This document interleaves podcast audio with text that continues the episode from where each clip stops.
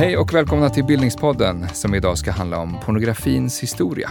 Magnus Bremmer heter jag och med mig här i studion på Stockholms universitet sitter Anna Hultman, Klara Arnberg och Pernilla Myne. Varmt välkomna hit. Tack. Tack. Anna, du är litteraturvetare vid Lunds universitet. Klara, du är ekonomihistoriker vid Stockholms universitet. Och Pernilla, du är forskare i arabiska vid Göteborgs universitet. Vi ska komma in på er forskning om det här ämnet under samtalet förstås. Men först, Anna, för lyssnaren som aldrig hört talas om pornografi. Vad är det för någonting? Gud, det... Jag vill ju inte börja med att göra det komplicerat. Men det folk tänker på oftast är väl eh, sexuellt explicita skildringar eh, med antingen liksom med något slags syfte att upphetsa folk. Eh, är väl liksom en jätte, jätte, jätte basic definition. Det är väl det folk tänker. Men det finns ju en mängd olika definitioner och det beror lite på vad man vill prata om och vilka frågor man vill ställa. Om man pratar om pornografi som ett historiskt fenomen så är det ofta det som har liksom varit det liksom förbjudna som ligger utanför liksom legit legitimitetens gränser. Och de förflyttas ju. Så att det som betraktas som pornografi på 1800-talet till exempel skulle nog få känna igen som det är idag. En del av det. En del skulle nog folk fortfarande säga att ja, det där är porr. Mm. Och sen, eh, man kan också, det finns ju liksom en massa andra definitioner som har att göra med liksom klass. Att liksom, erotisk litteratur är de rikas pornografi medan liksom pornografi är något som man förknippar med, med arbetarklass. Feministiska definitioner som liksom att pornografi per definition är misogyn. Alltså kvinnofientlig? Precis. Mm. Och sen så kan man också eh, prata om pornografi som eh, ett specifikt sätt att berätta som är särskilt vanligt förekommande i det vi brukar prata om som pornografi men som inte är liksom begränsat dit. Mm. Ja, vi har en timme på oss att fortsätta förklara vad detta är för någonting. Vi ska också prata om pornografins historia. Klara, hur, hur, gammal är egentligen den här företeelsen? Ja, det beror ju på vad man har för definition av pornografi, hur gammal den är. Och om man tar den här första definitionen av att liksom sexuellt explicita skildringar eller skildringar av, av sexuell aktivitet eh, om man tar bort det här med syfte att upphetsa, för det är alltid svårt att veta liksom, varför någonting finns. Men vi har ju lämningar från eh, sexuella skildringar i, från de flesta kulturer och där, där det inte finns några, något bevarat så kan man ändå kanske tänka att eh, det kan ha funnits. Och på ett sätt, visst, det är eh, lika gammalt som, som människan själv kan man väl på ett sätt säga. Men de som har teoretiserat kring, kring pornografi lite mer på det här liksom andra sättet som, som Anna tog upp med liksom, ja, men att det är det som är förbjudet eller så. Då kan man liksom tänka att, del, att det delvis också håller, hänger ihop med tryckfriheten. Så att det finns liksom en, en lagstiftning som tillåter diverse olika skildringar men sen så finns det vissa typer av skildringar som blir förbjudna. Och då kan man tänka sig att det liksom under 1800-talet så börjar det någonting som är där börjar saker röra på sig. Till exempel så finns det en, en, forskare som heter Walter Kendrick. Och han har skrivit att liksom, det är när man upprättar såna här secret museums, alltså specifika samlingar som inte, på bibliotek till exempel, som inte lånas ut till vem som helst. Man försöker skydda olika grupper från vissa skildringar och det betyder att man pekar ut någonting som pornografiskt. Det, kan, det är äldre föremål? Eller ja, men precis, det kan vara, då kan det vara någonting som är en bok från 1700-talet eller något medeltida objekt, vad vet jag. Eh, som man liksom tänker så här, nej det här är inte för allmänheten. Det här kan vara skadligt. Och då säger han så här, ja men pornografi är mer av ett argument än en sak. Mm. Vissa kopplar ihop det med moderniteten på det sättet. Eller man börjar prata om pornografi på, ett, på det här sättet, det här lite mer moderna sättet. Sen, så att det är det liksom, jag skulle säga att det beror lite på hur man, hur man definierar hur gammalt det är helt enkelt. Mm. Ordet pornografi kommer ju från grekiskan och betyder skrifter om horor. Eller bilder på prostituerade. Mm. Eh, men det är ett pseudogrekiskt begrepp för det användes inte riktigt på det sättet eh, i grekiskan utan det kommer just med man ska säga, upptäckten av erotiskt material och explicit sexuella skildringar i antiken, i äldre kulturer i Europa på 1700 och 1800-talet. Eh, när europeer började förhålla sig till det här materialet som man inte riktigt förstod sig på. Och det handlar om utgrävningar. Eh, väldigt mycket handlar om upptäckten av Pompeji och allt det explicita material som finns där som var chockerande för europeer på 1700-talet. Och, och det var också det som var det första, det här hemliga rummet i Neapels nationalbibliotek där man förvarade just det erotiska materialet från Pompeji. Och, och där det också bara vissa människor hade inträde. Mogna, alltså lite äldre, inte ungdomar, inte kvinnor. Eh, bara män från en viss samhällsklass som ansågs kunna handskas med det här materialet eller titta på det utan att fördärvas. Och det där har kopplingen mellan sexuellt explicit material från äldre tider och förbjudet. Och sen också begreppet pornografi, för det var ett ord som eh, antikforskare använde sig av för att benämna något som var fult. Som man inte vill använda ett vanligt ord för. Det lät väldigt lärt att använda ett grekiskt ord för det. Det finns eh, belägg för det här ordet eh, naturligtvis i klassisk litteratur. Det finns skrifter om prostituerade i klassisk litteratur. Och dessutom skrifter som sägs vara skrivna av kurtisaner. Mm. Så det har ett historiskt eh, belägg. Men just användningen av det använder... Så, det, så man skulle säga så här, pornografins begynnelse i Europa har väldigt mycket Eh, att göra med just hur vi förhåller oss till de här eh, materialet från äldre perioder och från andra kulturer. Är det så att man ändå kan se att det finns en, en röd tråd här någonstans det, i, i, i jag kan se, den här typen av bilder? Jag kan se någonting, om. om. vi går tillbaka väldigt långt eh, tillbaka i, i, historien och sen fram då till mitt eget material som är ju islamsk medeltid. Eh, för det första så är speciellt äldre period innan kristendom och islam så är det ju religiöst religiösa konnotationer. Och då kan det vara väldigt eh, explicita eh, bilder av bildningar av samlag. Som man skulle kunna tänka sig är pornografiska, för de, man ser könsorganen. om det skulle vara man ser, man ser liksom, en väldigt grafisk bild av ett samlag och könsorgan och sådär. Som ändå har religiösa konnotationer. Och det är magi, sexualitet har, har ju väldigt stor betydelse. Det är en stark kraft i människans historia naturligtvis. Och därför har det väldigt tidigt associerats med gudar och gudinnor och med skapelsen. Ibland har skapelsen skildrats som en samlag. Mm. Och sen naturligtvis rent eh, erotiska bilder som har, som upphets, eh, som har upphetsning kanske som syfte mm. eller något annat. Klara, eh, du, du talar om din forskning, om ditt forskningsmaterial som pornografiskt, medan ni pratar om erotisk litteratur. Finns det någon skil avgörande skiljelinje mellan pornografi och erotik? Mer än den att det handlar om något som är före vi kanske talade om de här företeelserna pornografi? Eller finns det liksom grader på skalan här? Alltså för min del, ja, erotisk litteratur då definieras ju i princip alltid i relation till pornografi. Så det går liksom inte riktigt att tala om det ena utan att tala om det andra. Sen eh, de texter jag fokuserar på i i min forskning är eh, sådana som har befunnit sig på eller i alla fall väldigt nära gränsen för liksom vad som går att skriva om sex vid ett givet tillfälle. I alla fall i det materialet som eh, är fram till pornografins avkriminalisering. Sen finns det ju liksom inte längre samma typ av juridiska gräns. När eh, avkriminaliserades pornografi? 71 va? Ja, 1971. Efter det så finns det ju fortfarande en gräns men som är mer har att göra med liksom estetik och den goda smaken. Liksom. Och då är det mer att, att eh, texterna kanske börjar närma sig liksom gränsen för vad som räknas som konst eller litteratur.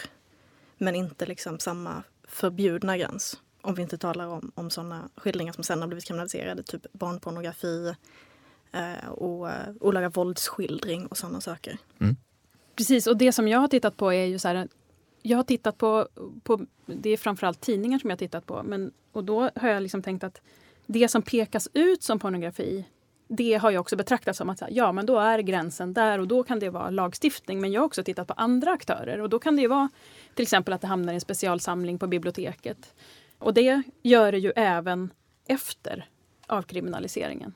Så att mm. man lånar ändå inte ut allt till alla så att säga. Eh, men också mer såna kommersiella gränser för pornografi. Så där har jag också liksom kollat efter då avkriminaliseringen det man till exempel stoppar på speciella hyllor i en eh, butik.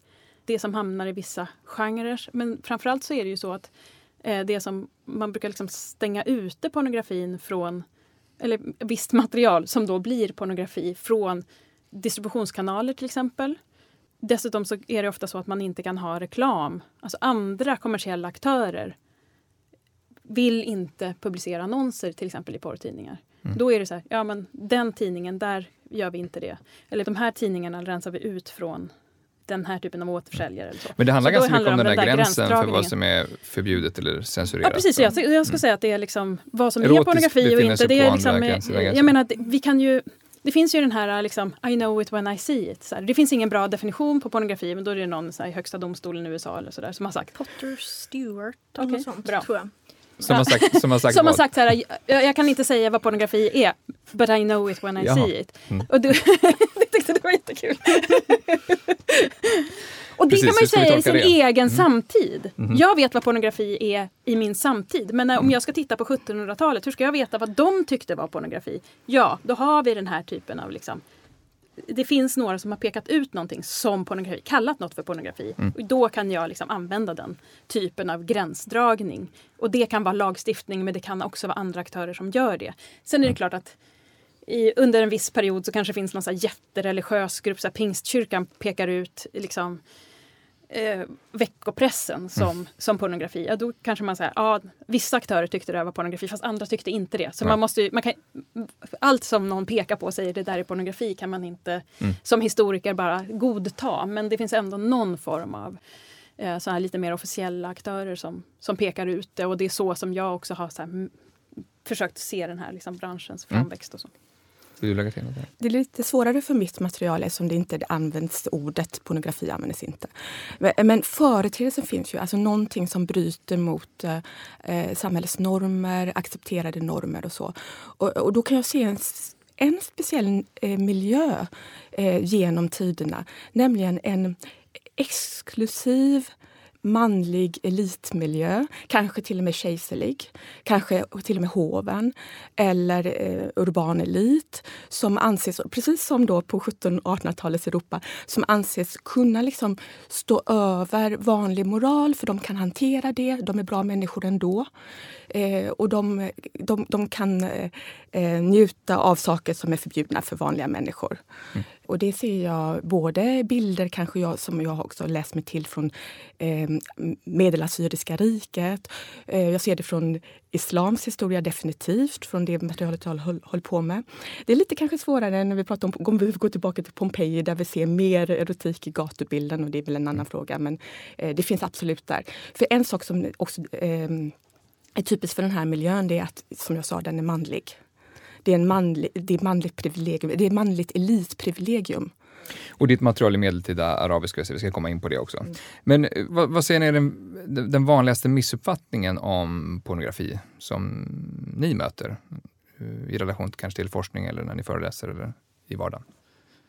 Alltså jag skulle säga att det vanligaste när man säger att man håller på med pornografins historia, det är så här, ja men så här, på 50-talet, alltså då 1950-talet, då var ju det så oskyldigt. Att det finns, att pornografi nu är fruktansvärt men att det har ett lite oskyldigt förflutet och att så här, synen på sexualitet i historien är någon slags eh, väldigt lättsam, glad pornografi. Och det har funnits det såklart. Eh, men där jag tänker att så här, den, eh, det har funnits våldspornografi under väldigt lång tid. Eh, jag vill inte förringa de problem som finns i dagens pornografi och det finns specifika utmaningar där men det är ju liksom jag tycker att den pornografi som jag har stött på bara från 1970-talet där det är ganska mycket barnpornografi och djursex och sånt som eh, jag åtminstone tycks varit ganska obehagligt. Nu är inte jag någon jättestor porrkonsument nu så jag vet inte om man kan jämföra eh, riktigt men, men det var på inget sätt oskyldigt. Mm. Det var inte mer oskyldigt förr? Inte som en generell regel Nej. i alla fall. Nej. Jag instämmer verkligen med Klara och en sån eh, feluppfattning som jag stöter på ibland är, eller som jag tänker är ganska vanlig, är föreställningen om att vi har gått från hårdare repression till allt mer tillåtande klimat. Och det stämmer ju inte. Liksom om man, om man tittar historiskt så innan 1800-talet så är det ju på många sätt liksom, det finns på en del sätt ett större utrymme för liksom, sexuellt explicita representationer av olika slag i liksom, form av så här, folklig viskultur som kan vara ganska grov. Eh, också, jag tror, det är också svårt för att det inte finns mycket bevarat. Det är ju ett bevarandeproblem som fortsätter liksom genom historien som Pernilla var inne på. Men med att det ändå har cirkulerat en del bilder och så etsningar och sånt lite grann och liksom så billigare tryck. För en, en, sak som kommer upp i, i den samtida debatten mycket är just att tillgängligheten idag är större i kraft av digitaliseringen och kanske framförallt mm, till en yngre publik. Så, eh, eh, skulle du vilja nyansera det? Lite grann. Jag tror alltså internet och, och liksom, digitalisering skapar ju helt unika förutsättningar. Liksom. Men om man tänker spridningen av eh, väldigt explicita visor längre tillbaka. Det är jättesvårt att veta exakt hur stor den var. Men det är ju inte... Ja, men det, det behöver varken vara så att det har gått från jätterepressivt till allt mer frisläppt eller jätteliten tillgång till jättestor tillgång. Utan det är mer komplicerat? Ja, precis. Det är mm. mer komplicerat och liksom efter avkriminaliseringen så ser vi liksom olika typer av återregleringar som lagstiftning mot barnpornografi och olaga våldsskildring och sådana saker. Idag är det en väldigt liksom uppblossande porrdebatt med liksom organisationer som Porrfri barndom och sånt. Så att porrdebatten liksom, och liksom legaliseringen den går ju fram och tillbaka. Liksom. Mm. Pernilla, har du någon ja, missuppfattning? Du ja, mitt forskningsområde är ju eh, arabisk-islamska sexmanualer. Och när jag mm. berättar om dem så blir ju väldigt många förvånade över hur oerhört öppet man kunde tala om sexualitet. Och även kvinnors sexualitet och hur eh, självklart det var att både män och kvinnor njuter av sexualitet och kvinnors njutning och liksom, eh, sexuella uttryck och så är viktiga att betonas. Och det är helt, eh, i en bok, det, det, man, man skriver till exempel mycket om kvinnors orgasm och så. Och det är ju inte bara islamskt material utan det kan man också se i äldre material att eh, det ses som en självklarhet också att kvinnor kan få eh, orgasm och kvinnor ska njuta och män eh, lika mycket. Både kvinnor och män har sexdrift. Men eh, då kan det bli lätt så att man tror att eh, ja, men kvinnor var ju mycket friare förr. Men så är det inte. Och det här är en paradox. Va? För det visar att man kan tala, man har samhällen där man talar väldigt öppet om sexualitet och se sexualitet som en självklar del av eh, livet, som en positiv kraft. Och samtidigt har väldigt hårda regleringar av eh, alltså sociala och religiösa regleringar av sexualitet. Alltså man får bara ha sex inom äktenskapet eller äktenskapsliknande former för män har ju också andra sätt att eh, ha laglig sex på. Eh, så där har vi ett samhälle idag kanske som är mycket mindre reglerat, inte alls kanske. Däremot så kanske man har ett eh, svårare att förstå Eh, alltså, det är fortfarande trots allt på många ställen Eh, svårt att tala öppet om sexualitet. Mm. Alltså, i, i, I samtliga diskussioner om, om nutida pornografi så är det kanske inte så att, att, eh, att en så sund kvinnosyn är det första som folk tar upp och tänker på. Eh, men hur, hur ser den där kopplingen mellan misogyni och, och pornografi ut historiskt? Ehm, finns det en direkt koppling där? Eller, eller har det där också fluktuerat lite grann? Du talar om som, att det här är en, en manlig elitmiljö från den period du Konsumtionen är ju en sak, men vad det skildrar kan ju, alltså har ju skiftat ganska mycket. Jag tänker att den här liksom kvinnliga sexuella njutningen har varit ett, ett motiv för pornografin mm. också senare och, att det är ett tema som återkommer. Alltså den kåta kvinnan är väl jättenärvarande mm. i många pornografiska skildringar från olika tidsperioder. Mm. Men den typen av skildring kan ju ses som misogyn. För att liksom koppla ihop mm. eh, kvinnlighet med sexualitet har ju varit problematiskt på många sätt. Och att liksom bli betraktad som en sexuell person som kvinna är ju väldigt farligt i många, under många tidsperioder. Så det, det, är ju så dubbelt alltså. Och just liksom kopplingen mellan kvinnlighet och sexualitet och den, den kvinnliga sexualiteten ur vems blick är den skildrad och så. Det är ju en jättekomplex eh, och jätteintressant fråga. Mm. Det finns något misogynt över den här kvinnan som, är, eh, som, o, alltså, som har sån extrem sexuell aptit. Eh, att hon, ha, att hon, hon, är så nära sin natur. Och det, det är en gammal föreställning av, av kvinnor att eh, män är, intellekt och kvinnor är mer, natur. Eh, och det och, och, i sin förlängning, det, jag, jag, skulle vilja säga att det är, delvis är en misogyn föreställning. Och i sin förlängning i mm, eh, sexuella skildringar är ju också att den här kvinnan behöver man inte... Alltså hon, behöver inte till, alltså hon behöver inte hetsas upp. Hon blir ju upphetsad bara av att se en erigerad penis. Liksom. Och sen, så hon, man behöver inte göra någonting med henne. men i behöver... senare tid är det väl också kopplat till, sex, eh, till uh, kvinnlig frigörelse, så att, säga, att få, ja, få men, att uttrycka det. Sen också att man behöver inte... Alltså hon behöver inte hon får liksom automatisk liksom extas och sådär. Man behöver inte göra någonting med henne medan hon istället kanske behöver liksom, eh, ägna sig åt att eh, ta hand om mannen då för det är ju nästan alltid heterosexuell eh, sex. Mm. Anna får komma in också. Jag skulle också säga att det är väldigt blandat. Om man pratar om misogyni så då utgår man ju också från en liksom heteronormativ syn på pornografi och exkluderar liksom, eh, med material som till exempel har producerats om eh, av och för homosexuella män.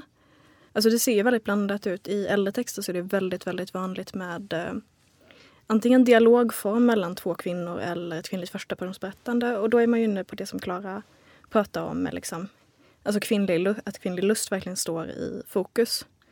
Och sen så kan vem det är skrivet av kan liksom variera och liksom hur man värderar det. Men generellt kanske man kan säga att, att liksom är samhället misogynt, vilket det ofta är, mm. Ja. då kommer pornografin också mm. ha de dragen. Så att det är liksom snarare att, att pornografi där liknar annan typ av kultur. Liksom när jag till exempel tittar på 1800-talsmaterial, en del av det som liksom, eh, som historiskt fungerat som, eller räknats som pornografi kan vara saker som idag är väldigt oskyldiga. Typ en ett litet häfte med alltså, vitsar och korta anekdoter som inte alls är sexuellt explicita men däremot jättesexistiska skämt mm. som ofta är dåliga. Mm. Eh, mm. Det är nästan de eh, liksom, tydligaste exemplen på misogyni jag har sett. Liksom, alltså man kanske inte tänker på, man ska tänka på vad är misogyn pornografi. Mm. Eh, men, men pornografi och eh, prostitution som har kommit upp några gånger nu. Eh, hur ser kopplingen ut liksom mellan pornografi och annan sån sexuell eh, kommers? Alltså jag kan ta ett exempel från liksom det svenska 1900-talet och då var det så att man i början av 1900-talet så var nästan alla eh, porrtidningar, de köpte in bilder från Frankrike eller från andra länder och så publicerade man det. Eh, och så skrev man texter till och då är det klart att den kvinna som skildras på bilden kan ju för sig ha också ägnat sig åt prostitution men det, var liksom, det är ganska så här, särkopplat där. Men sen senare eh, så börjar man ju liksom fota själv, liksom, svenska kvinnor, så här, då skulle det vara så girl next door. Och så där. Och det finns väl vissa liksom, vittnesmål om att eh, det också var från början så här, folk man plockade från gatan i princip men att sen eh, så var det så där egna modeller och så. Det är inte ovanligt att modeller i konsthistorien generellt har, har varit prostituerade. Ja, precis. Ja, precis. Mm. Det, men det är också lite svårt att veta mm. så här efterhand. Men, eh, men det man kan se som hände på 70-talet i Stockholm till exempel. Nu har jag tittat på så här Klara Norra Kyrkogata som var det här porrstråket i Stockholm som var väldigt känt. Eh, och där var det så att man också hade porrklubbar och då kan man ju diskutera så här, är, är en sån här porrklubb eller sexklubb där man hade liksom sex på scen och så betalar man inträde för det de sålde ju också pornografi på de här platserna och visade film och så. Eh, men där är det ju också sådär liksom att sexet händer i, i liksom rummet. Alltså där blir ju de här begreppen lite förvirrade. Så här, vad är prostitution och vad är pornografi? För Det är också så här, vem du får... Om du, du har sex för pengar men om man får betalt av den som man har sex med, då är det prostitution. Men om man har den som står bakom kameran eller som betalar inträde eller äger klubben, då är det pornografi. Alltså det är liksom en, en, en lite förvillande av begreppen. Mm. Men ur konsumentperspektiv, har det så att de här branscherna, eller vad vi ska kalla dem, mm. på något sätt har haft uh, gemensamma intressen eller har det snarare varit tvärtom?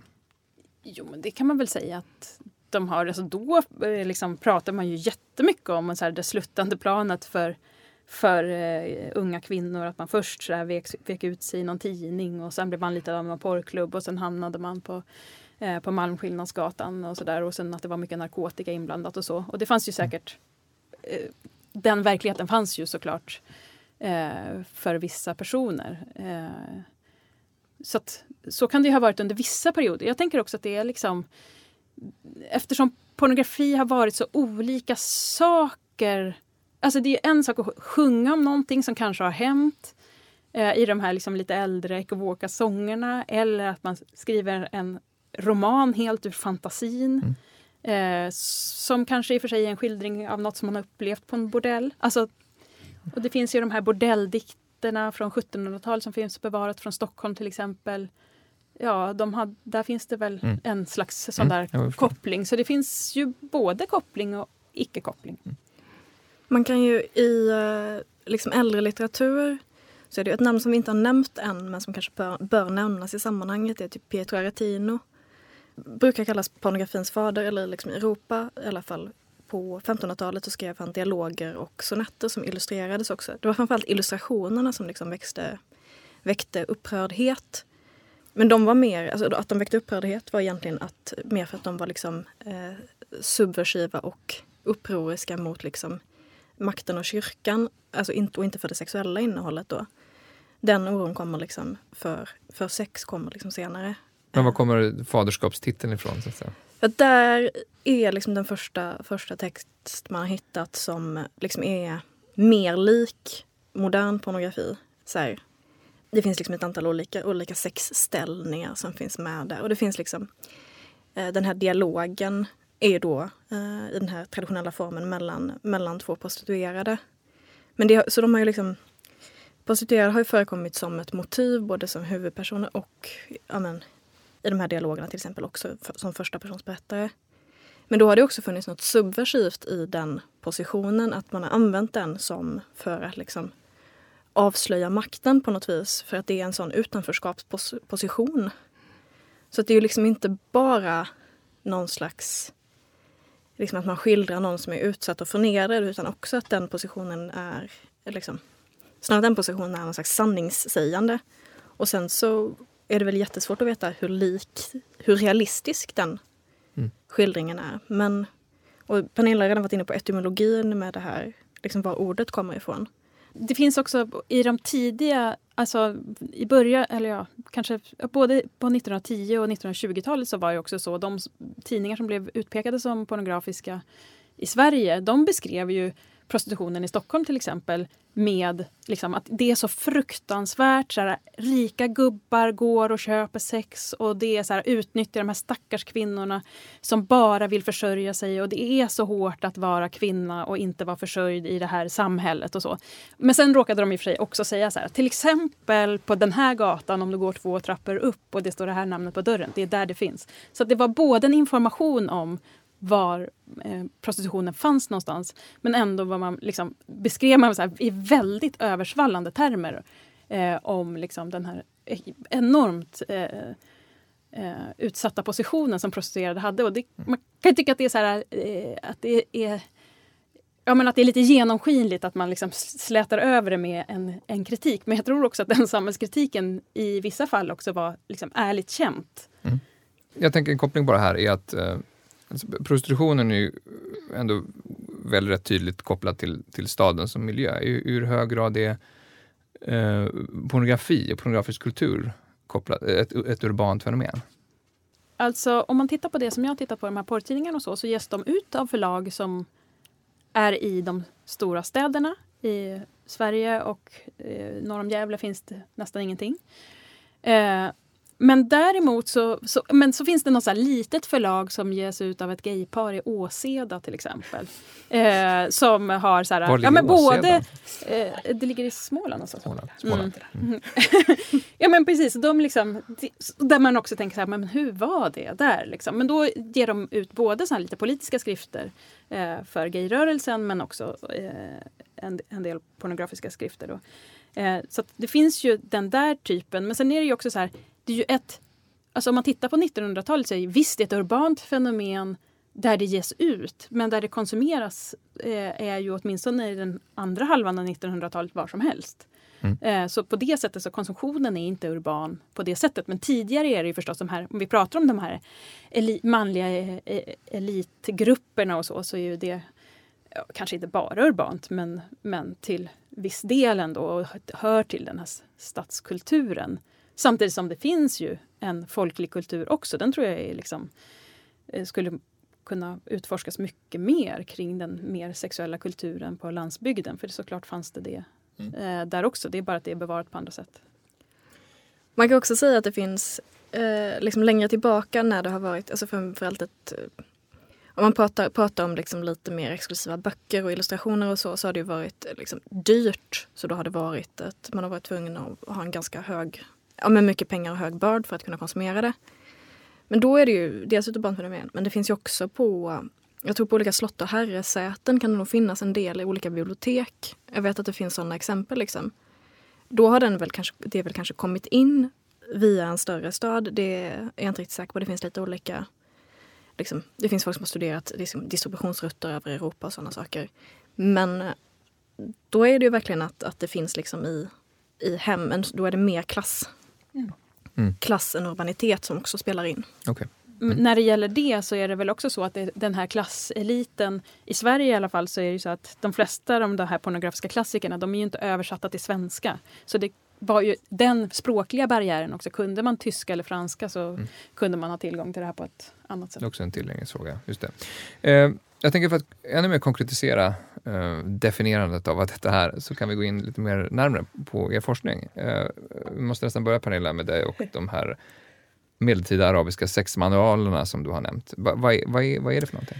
Eh, det, det, är en... Eh, jag kallar det för sexmanualer, men det finns ju liknande också i, i grekisk litteratur som inte finns bevarade. Det finns ju Kamasutra på sanskrit och eh, Kamasutra är ju skriven för en elit. Och likadant är det med den första eh, som jag kallar då för sexmanualen på arabiska. Den heter Njutningens encyklopedi och eh, är en encyklopedi över sex och njutning. Hur man ska njuta av sex och vad sex är och så. Och den skrevs på 900-talet. Eh, eh, en stor liksom, vad ska jag säga, gyllene tid för arabisk islamsk litteratur.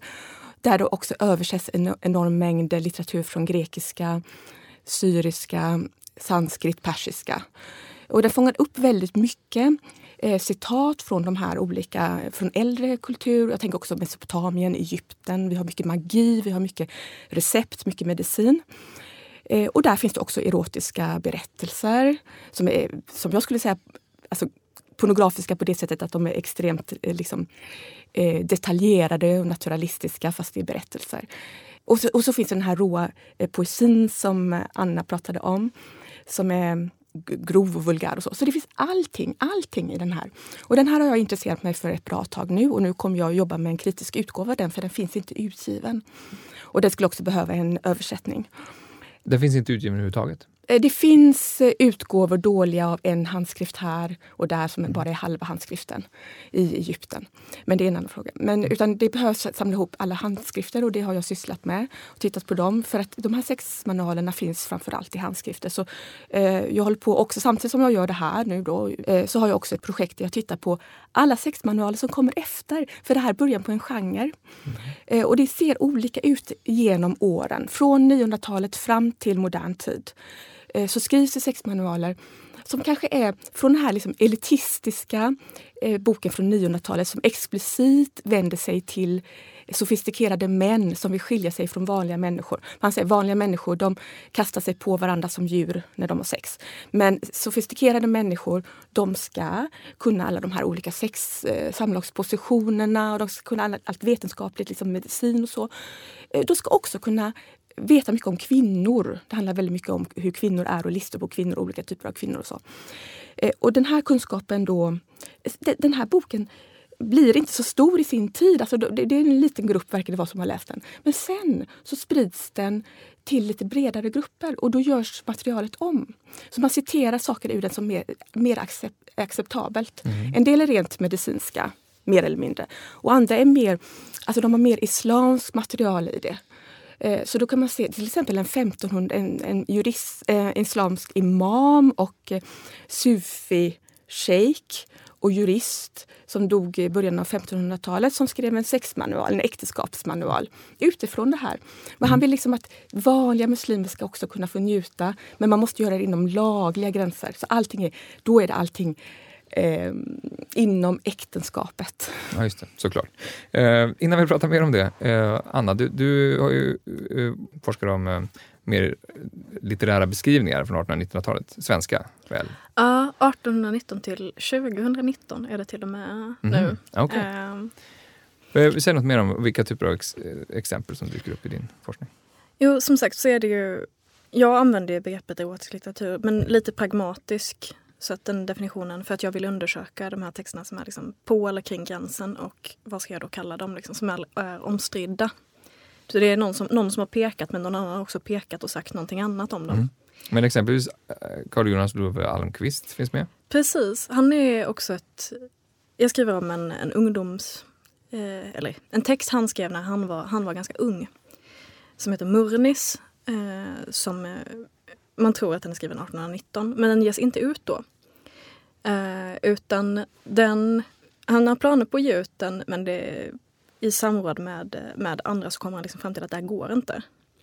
Och den är liksom en, en erotisk religiös text som handlar om ett, ett par. Hon är kristen, han är hedning då.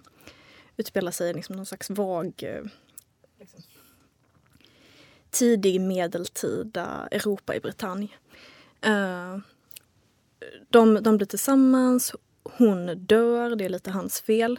Och sen så utspelar sig det största delen av den här texten i, efter, efter, efter jordelivet. Och det handlar både om det här paret men också andra par som genom att förenas med sin andra hälft ska liksom stiga till nya saliga höjder. Och då är det verkligen förenas både, både själsligt och kroppsligt men i den här andeformen då.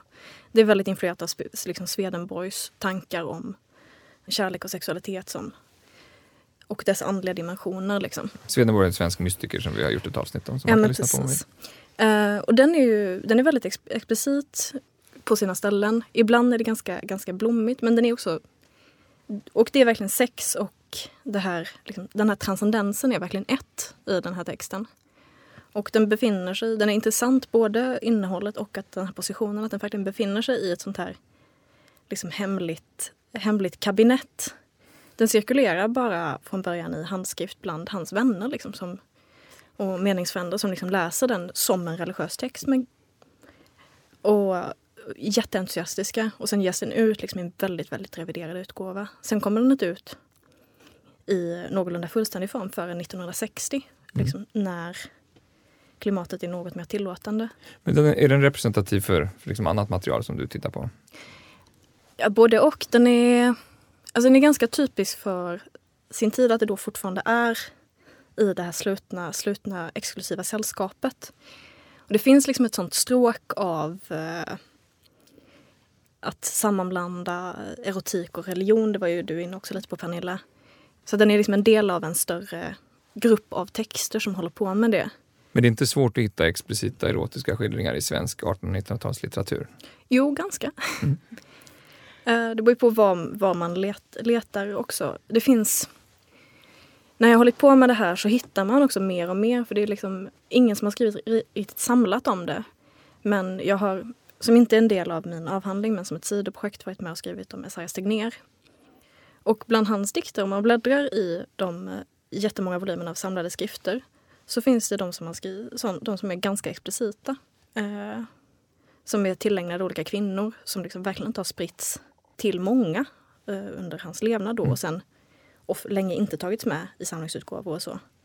Men så att det finns ju liksom en massa material och saker som kanske inte har spridits så mycket men det är ofta svårt att hitta. Och så är det kanske någon som har skrivit en liten artikel om det som finns i någon gammal volym. Men liksom, ja. Eh, jag tänkte på det som eh, med Almqvist. Det är väldigt likt persiska romanser och jag undrar om inte han är inspirerad av det. Där man har använt kärlekspar, kända kärlekspar, bland annat till exempel Josef i Bibeln, Gamla testamentet och hans och Potifars hustru då, som heter Suleja i den här traditionen. Eh, där de, deras kärleksrelation och det är massa förvecklingar och så, vi känner ju till Josef och eh, historien, men det finns också andra, som slutar i förening och föreningen är ju då äktenskap och samlag. Som en allegori över en syfisk allegori över själens längtan efter förening med Gud. Eh, och själen, själen är, är, är, kvinnan, hon är upp i det här fallet, då, hon, hon, hon, hon är människa, hon är inte perfekt på alla sätt och hon gör massa saker. Hon försöker trixa sig till liksom, att få det här sexet med honom på olika sätt. Eh, och sen Josef i det här fallet då, så är han ju, representerar han liksom eh, det gudomliga då. Så, och, och, det var ju väldigt populärt på, sufismen var ju väldigt populärt på 1800-talet. Men det finns ju verkligen den, jag vet också han eh, de orden som används som könsord i Murnis är ju bromo och junis som Almqvist har hämtat från sanskrit. Mm. Mm. Det som är intressant där är ju att den, eh, Murnis slutar ju inte med den här föreningen utan det är ju den som utgör en ganska stor del av handlingen. Liksom, att de olika parens liksom, eh, möten som skildras i liksom, lite olika textavsnitt. Så här. Och sen så är det liksom att det här eh, samlagandet ska bara pågått mot evigt högre höjder. Ja, det, det, var lite, det, var, det var lite mer, det var lite indiskt där. Men, men en, en, en, just, jag ska bara säga om de här persiska eh, berättelserna eh, och även översättningar till persiska från, eh, från indiska, indisk erotik. De har, alltså man skildrar inte väldigt detaljerat själva samlaget, det bara händer. Men däremot så är de illustrerade ofta och då är, kan det vara väldigt explicita bilder. Definitivt pornografiska bilder, bokillustrationer just i persisk tradition. Mm. Klara, du eh, forskar bland annat kring eh, porrtidningar, porrindustrin, 1900-tal, kanske ämnen som eh, flest lyssnare associerar till begreppet pornografi. Eh, man kan höra mer om det i vårt avsnitt om svenska synden där du var med också. Just eh, hur, hur, vad tänker du när du hör eh, Anna och Pernilla, de, de beskriver sina ämnen? Ja, men det som jag tycker är spännande och som jag tror att alla forskare känner ju lite grann så här, ja men det som jag forskar om, varför det är inte mer centralt inom mitt större ämnesområden. Samtidigt så tänker jag så här, att titta på svensk historia och inte nämna att Sverige var lite så här före när det gäller pornografi och var så förknippat med det pornografiska blir lite mm. skevt. Och att det, att det finns liksom lite att, att bidra med där då om man orkar ta tag i de här lite eller orkar, det är ju jätteroligt men... Det finns forskning att göra? Det gör det. Okay. Ja. Era beskrivningar ger ju eh, en, en bra bild av, av, av bredden här, av, av, erotiska skildringar som har funnits i olika tider. Um, går det att säga någonting om vad, vad, ni tänker att de här skildringarna har haft för påverkan på människors syn på sexualitet och samlag och så vidare? Det är väldigt svårt att se det, hur, vilken påverkan det har haft. Hur ska jag kunna eh, undersöka det. Vad är det jag ska undersöka? Jag tittar till exempel på, på eh, marginalanteckningar och hur folk omedelbart har reagerat på vissa skildringar och så. Det gillar jag verkligen mycket. Med, med att skriva någonting i marginalen? skriva i marginalen på ja. handskrifterna och vilka sidor är mest bläddrade och så vidare. Okay. Men vad har det för men, men däremot... Det är en väldigt det, kontrollerad reaktion annars ja, att skriva det, ett utropstecken. Ja, precis.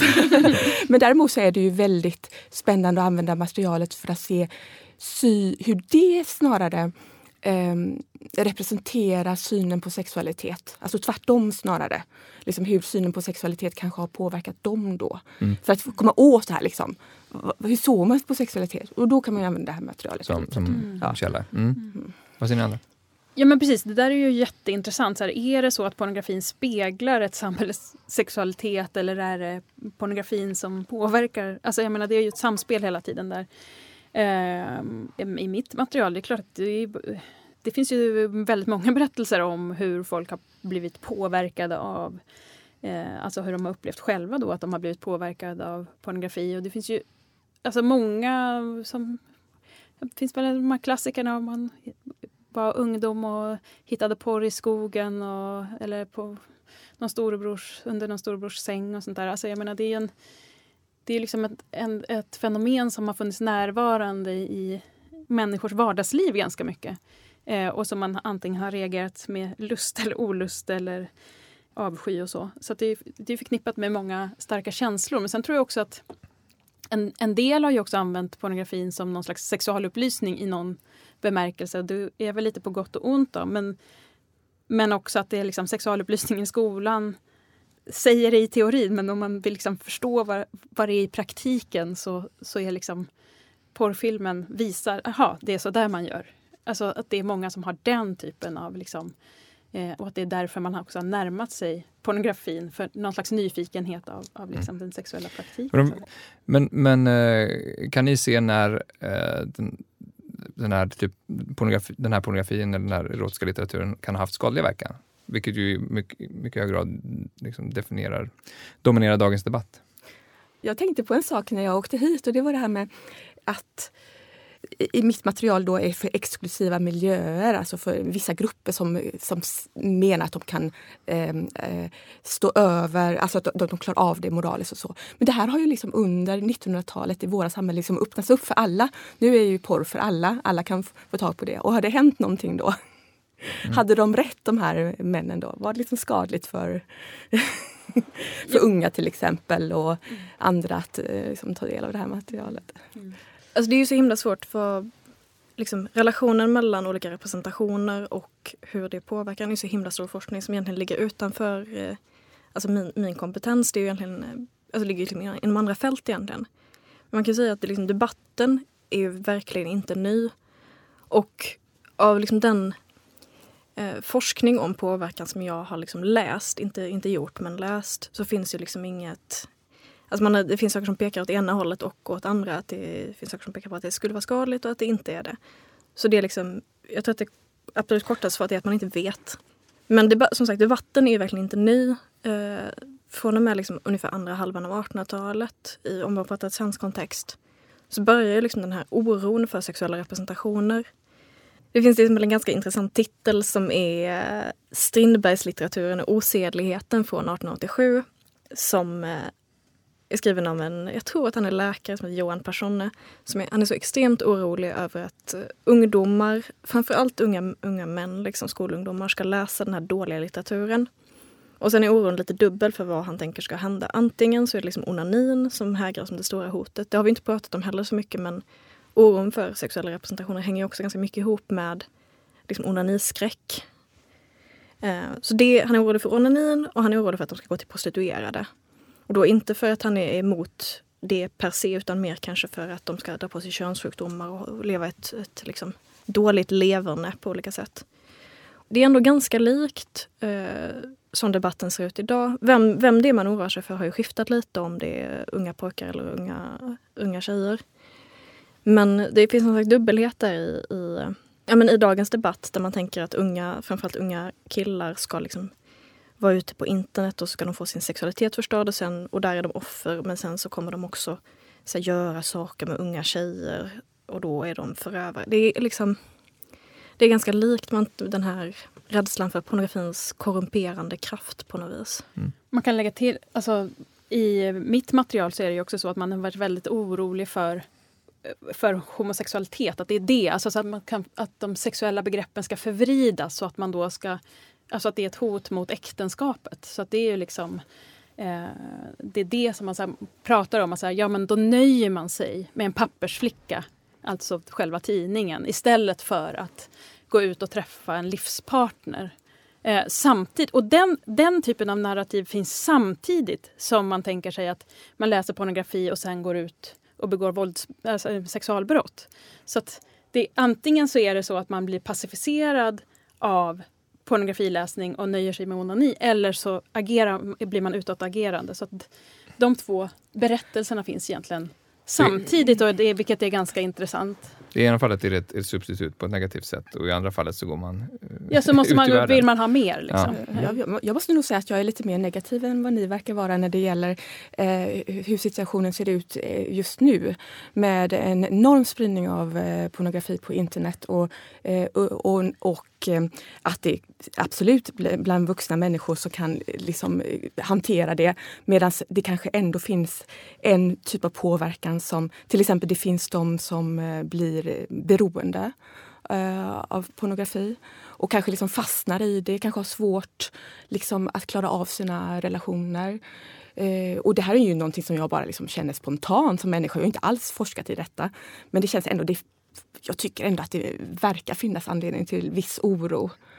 Mm. Med din- Kanske inte just att man ska gå ut och alltså att unga män ser på någonting och sen går ut och gör det. Men snarare kanske att man fastnar i vissa bilder. Och det här är ju of- ofta bilder av ojämlikhet måste vi ändå säga. Den, den mesta eh, pornografin är ju ganska ojämlik men, mellan män och, och kvinnor. Och att ka- kanske kvinnor, eh, unga tjejer också kanske liksom får ta till sig de här liksom ganska alltså, eh, sexualiserad ojämlikhet. Anna? Jag tänkte bara, jag, jag kan knyta, knyta an till båda sakerna ni sa, Klara och Pernilla.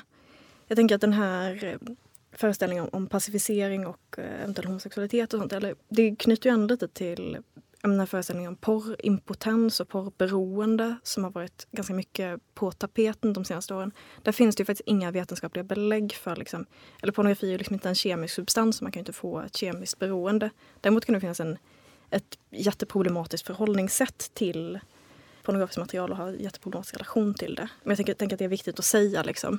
För att det är en sån missuppfattning som är ganska spridd. Vad menar du att missuppfattningen ligger i just här? Att eh, prata om någonting som ett, ett ke- kemiskt beroende när det inte är det. Det finns ju den, den typen av, av spridda föreställningar att man faktiskt ändrar dopaminnivåerna i hjärnan. Liksom, och att det skulle vara jämförbart med eh, en liksom, drog som heroin. Liksom, eller, alltså, den Mm. typen av, av berusningspreparat. Så du kan tycka att, att debatten här kan bli lite överdriven. eh, men Pernilla eh, ändå, känner ändå viss oro för utvecklingen idag. Är det en rättvis bedömning? Alltså Ja, jag, tycker att det, jag tycker inte det finns något, någon motsättning egentligen el- mellan att vara, eh, vara lite befogat orolig för den... Jag menar det är klart att det, det är en spridning av pornografi nu som vi inte har sett tidigare. Så är det ju. Och vi vet inte exakt mm, vad det innebär så att säga. Eh, samtidigt så tror jag att det är bra ändå. Och, alltså det, det skadar inte att också ha liksom den här Ja, fast den här typen av oro känner vi igen. Den är historiskt, liksom, följer med eh, under lång tid. Och genombrottet av videon till exempel, när vem som helst kunde gå och hyra en porrfilm och ta med sig hem. Det var också ett sånt stort genombrott. Eh, eller liksom, så det har ju blivit så. Mm. Eh, och sen är det ju alltid vanskligt med liksom, statistik på sexualbrott. Eh, och, och det är väl en sån här klassisk fråga. Så här, ökar anmälningarna? Är det ett tecken på en faktisk ökning och kan det kopplas ihop med, eh, med mängden pornografi i ett samhälle? och så? Där finns det ju inte heller några helt... Liksom, det är inte så att forskningen är överens om någonting Eh, i, i, de, i de här frågorna. Men, men eh, att ha ett historiskt perspektiv och se att saker kommer igen betyder ju inte det, ju, det kan ju ha varit så att de som var oroliga på 80-talet eller på 1700-talet var det med rätta också. Det kanske finns en anledning till att vi har varit oroliga för den uppväxande släktet igen och igen och igen. Mm. Vi tar det som slutord. Tusen tack Klara Arnberg, Anna Hultman och Pernilla Myhne för att ni ville vara med. Tack. Tack. Tack. Tack också ni som har lyssnat. Vi är tillbaka snart med ett nytt avsnitt. Hej då! Du har lyssnat på Bildningspodden, en del av bildningsmagasinet Anekdot. Fler poddar, filmer och essäer hittar du på anekdot.se.